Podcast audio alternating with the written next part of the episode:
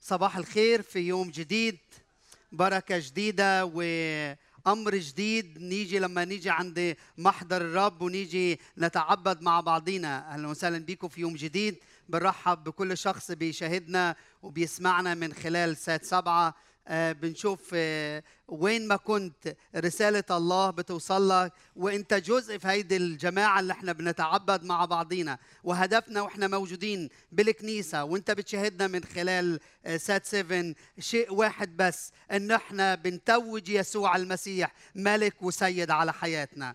انت إحنا انت بتتعبد وين ما كان مع جماعة هدفها تعلن يسوع سيد وملك هدفها ان إحنا نتوج يسوع المسيح ملك. فاهلا وسهلا بيك في آه، محطة جديدة وماشيين في درب جديد مع بعضينا. بدأوا معنا الأسيس حكمة راعي كنيستنا تحت عنوان حد بيتذكر عنوان شعار هيدي السنة؟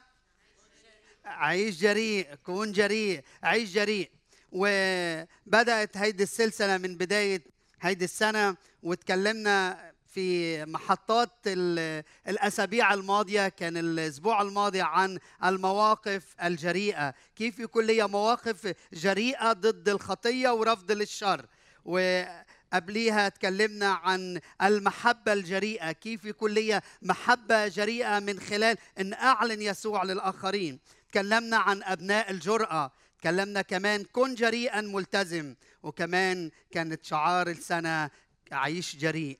كون جريء. النهارده بنتكلم ونتابع مع بعضينا سلسلة أو نتابع موضوع في السلسلة اللي بدأ معنا الاسيس حكمه عن الكنيسة الجريئة أو كنيسة جريئة. والكنيسه الجريئة هيدا عنواننا اليوم. كنيسة جريئة تصنع تغيير. كنيسة جريئة تحدث تغيير. وهنطلق من سفر أعمال الرسل الإصحاح الرابع وابتداء من عدد 32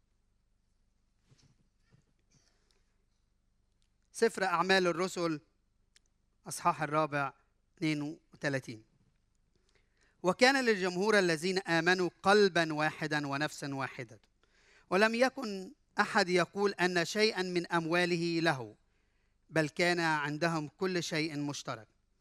وبقوة عظيمة كان الرسل يأدون الشهادة بقيامة الرب يسوع.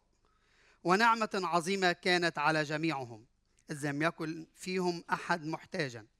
لأن كل الذين كانوا أصحاب حقول أو بيوت كانوا يبيعونها ويأتون بأثمان المبيعات ويضعونها عند أرجل الرسل.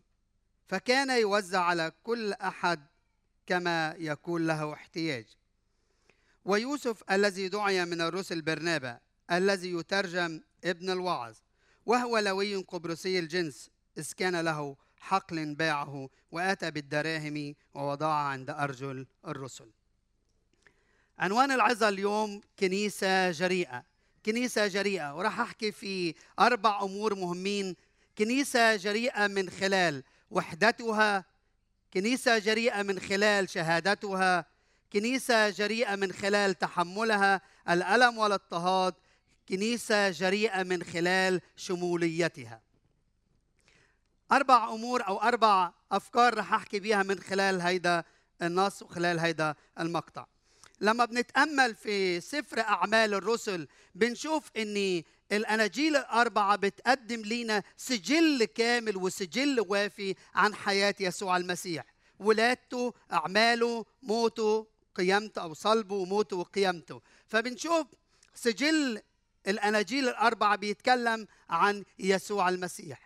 لما ننتقل لسفر أعمال الرسل بنلاقيه إن هو سجل كافي وافي عن الكنيسة الباكرة أو عن الجماعة الإيمانية أو جماعة الإيمان اللي هي قبلت إن هي تتبع يسوع المسيح اللي قبلت تتوج يسوع المسيح على حياتها. من خلال سفر أعمال الرسل بنشوف هيمنة الروح القدس على سفر أعمال الرسل. بنشوف شخصيتان بارزتان هما شخصية بطرس اللي كان موجه وتركيز رسالته على الأمم وبنشوف شخصية بولس اللي كانت رسالته في نطاق أوسع وأشمل الأمم وأوروبا. فبنشوف هيدا الشيء. بنشوف كمان كيف التلاميذ الجماعة الصغيرة من التلاميذ الحائرة أصبحت هيكلا ضخما من المؤمنين. بنشوف كيف الله استخدم آيات وعجائب من خلال أعمال الرسل. بنشوف في سفر أعمال الرسل انتصارات وبنشوف هزائم. بنشوف أفراح وبنشوف أحزان. بنشوف نمو وبنشوف اضطهادات. فلما بنتصفح في سفر أعمال الرسل ونتجول بين فصوله نكتشف أمور كنوز عظيمة جدا. تحكينا اليوم بشرقنا ومجتمعاتنا كأفراد وكجماعة. عشان هيك اليوم رح أتكلم عن كنيسة جريئة. كنيسة جريئة قدرت تصنع تغيير. أول شيء من خلال وحدتها من خلال وحدتها. لما بنشوف في بداية المقطع أو النص اللي إحنا قريناه بنشوف كده وكان لجمهور الذين آمنوا. وكلمة جمهور تعكس النمو في العدد إن المجموعة ما صارتش أو الجماعة الإيمانية أو جماعة الإيمان أو الكنيسة الباكرة أصبحت تحولت من أفراد إلى جماعة وابتدى يكون في نمو في الجماعة الإيمانية.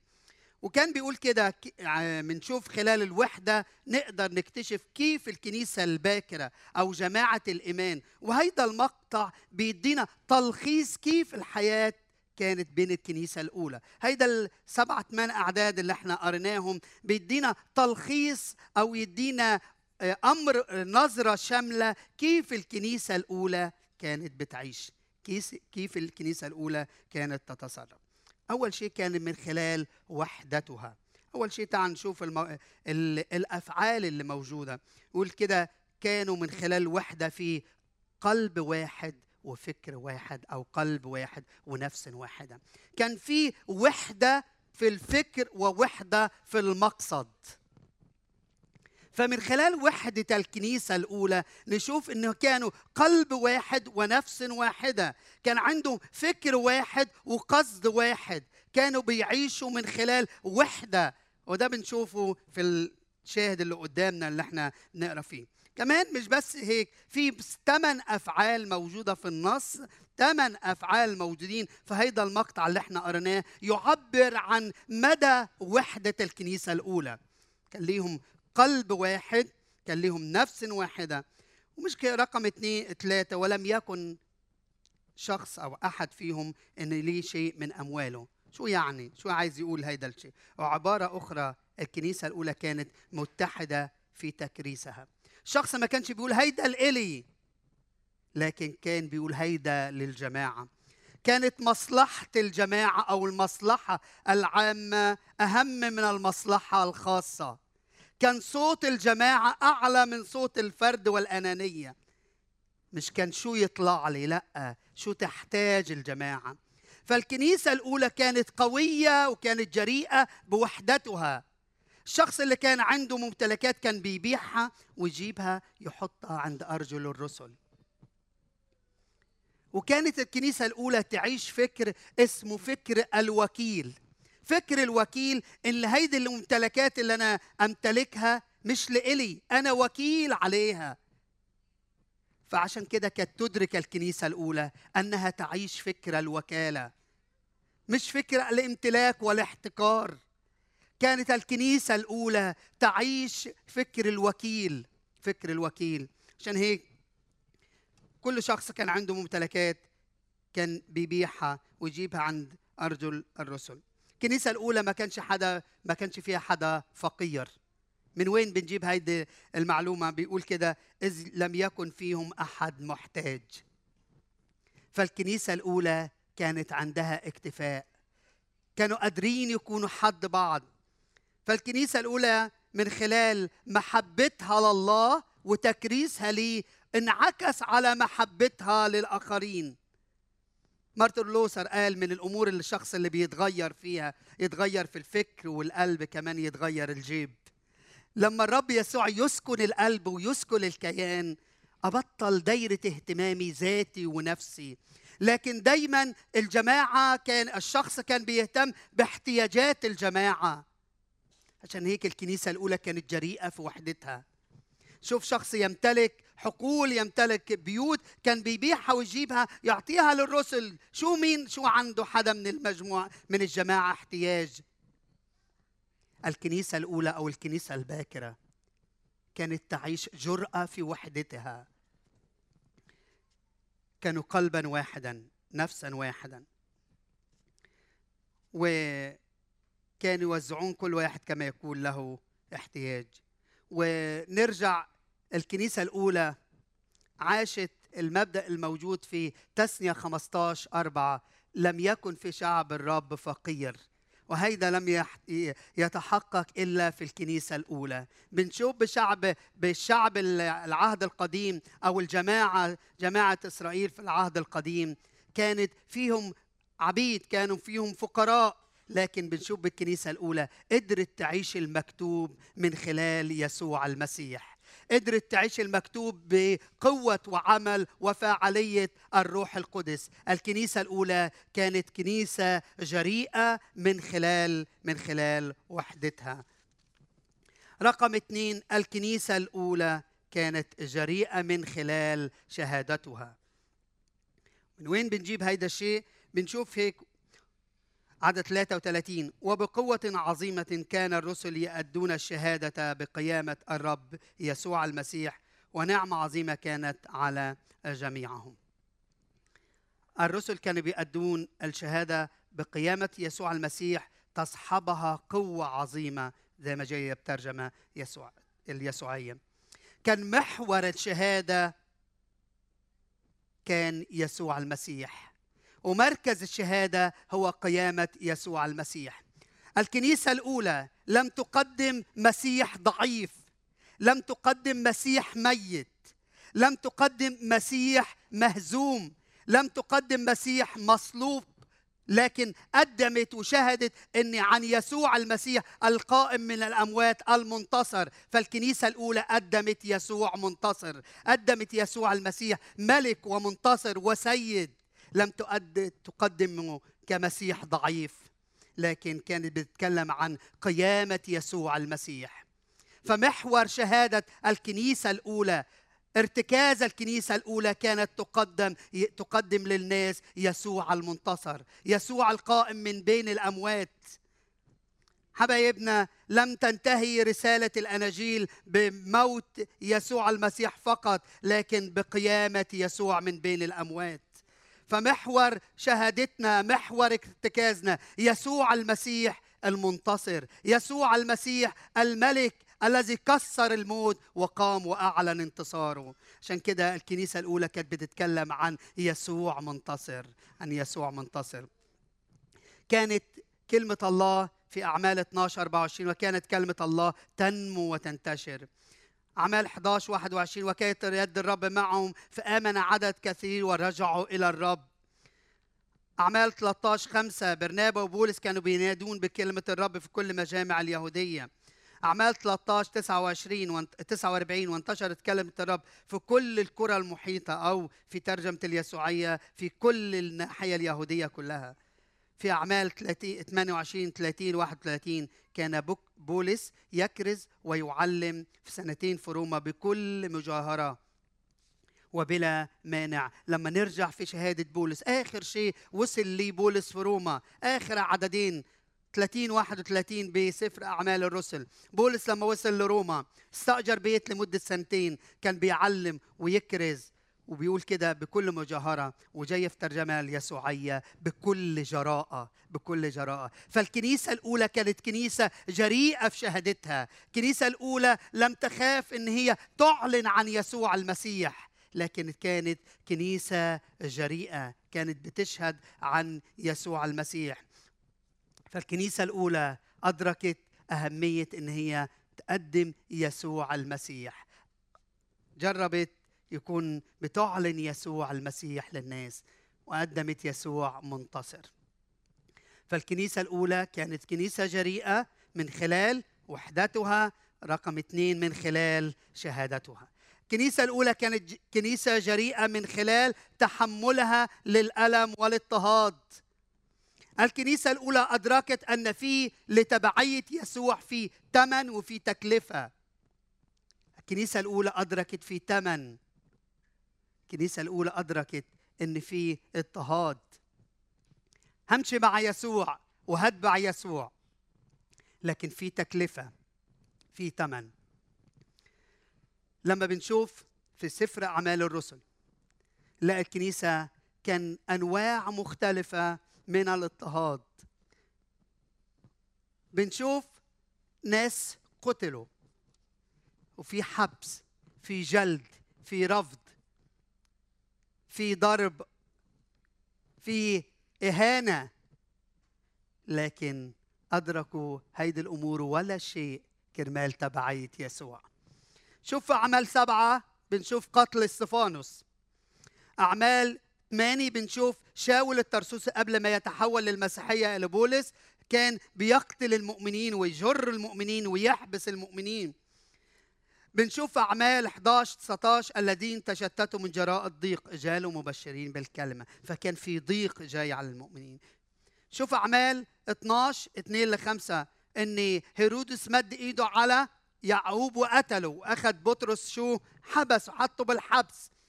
فالكنيسة كانت مستعدة لدفع ثمن وتكلفة. بنشوف أعمال 13 50 أثاروا اضطهاد على بولس وبرنابا. أخرجوهم خارج في أنطاكيا رجموا بولس وجروه خارج المدينة. فالكنيسة أدركت في دفع ثمن في تكلفة. فالكنيسة الأولى لم تخف من دفع ثمن يمكن اليوم أنت واقف في محطة وبتدفع فيها ثمن يمكن اللي بتسمعنا اليوم في تكلفة وفي ثمن بتدفعها لثمن تبعيتك ليسوع المسيح.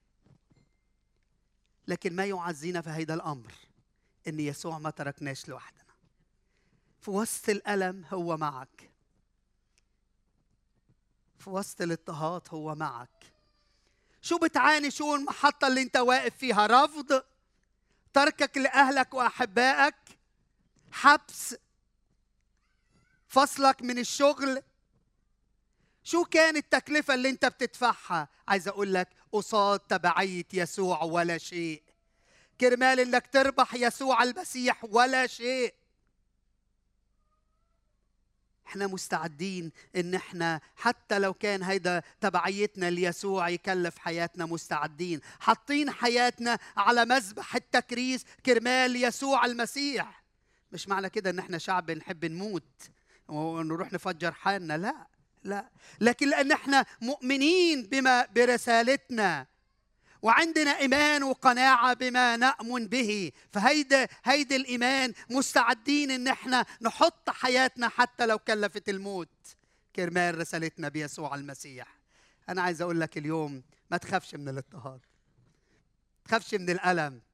ما تخافش من دفع تكلفة. لأن إلهك معك. هو تألم قبلك.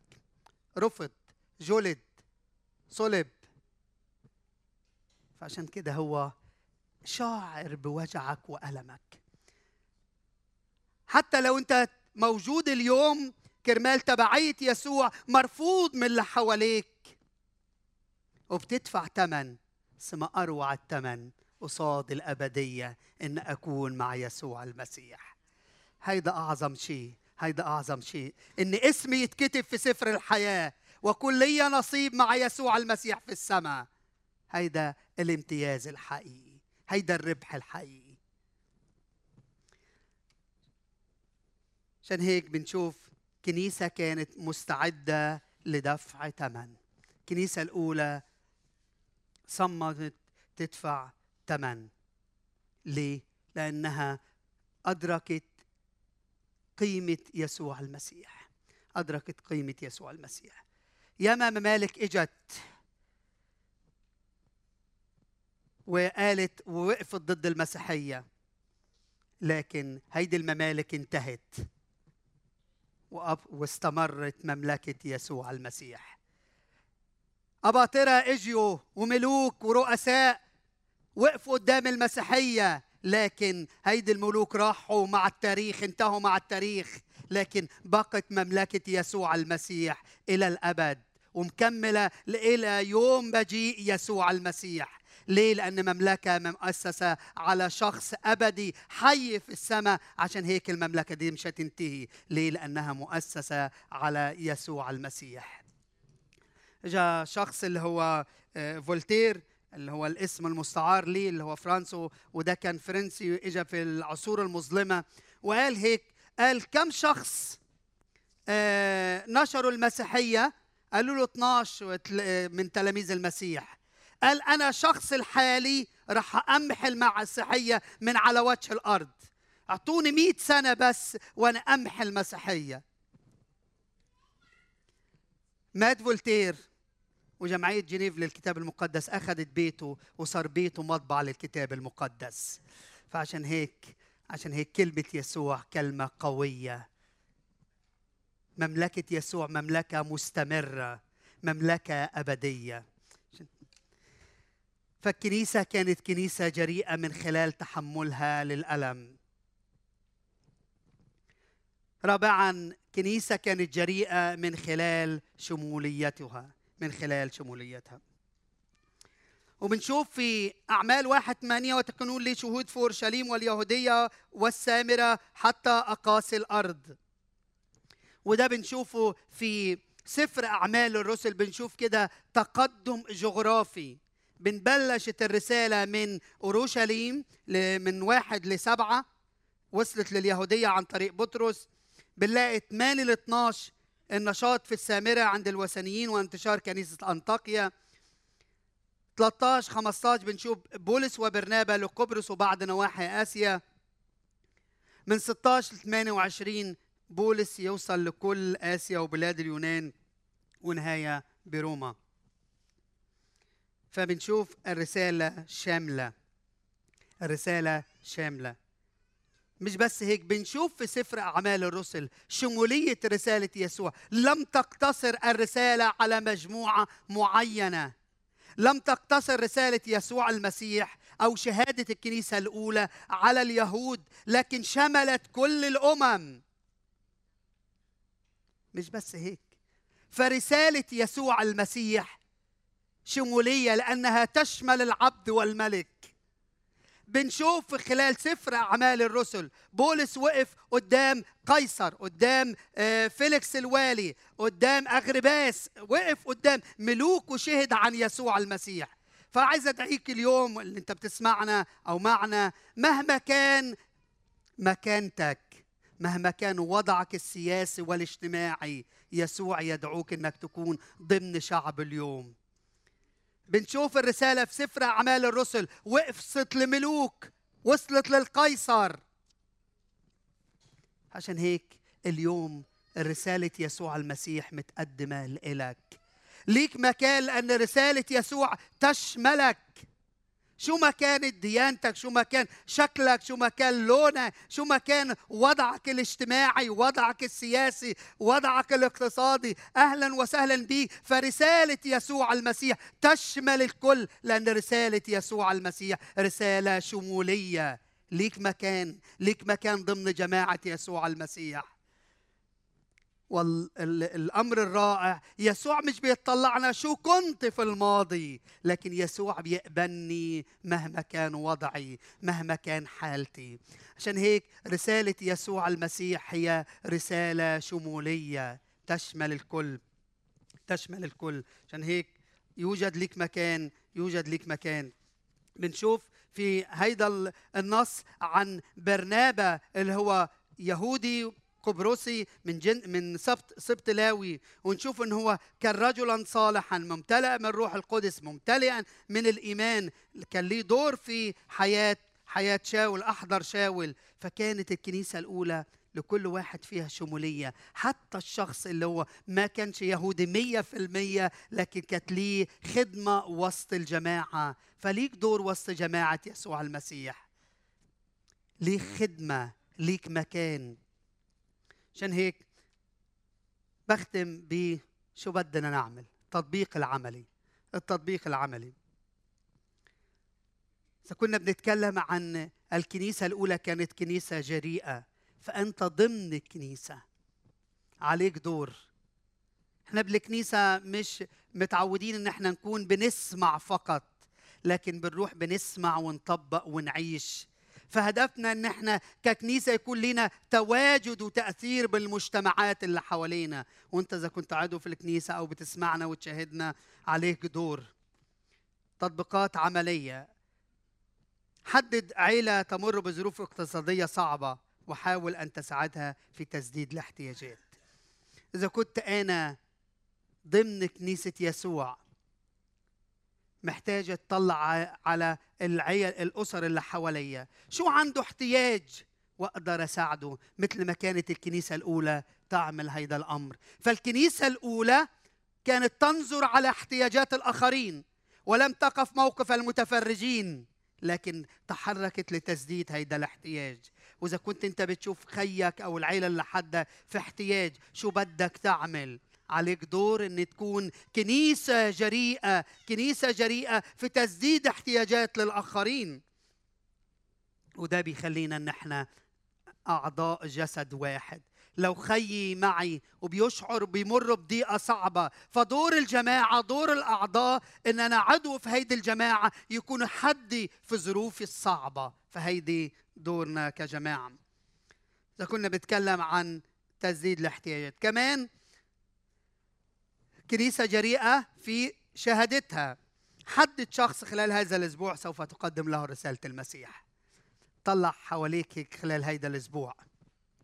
وتعهد قدام الرب.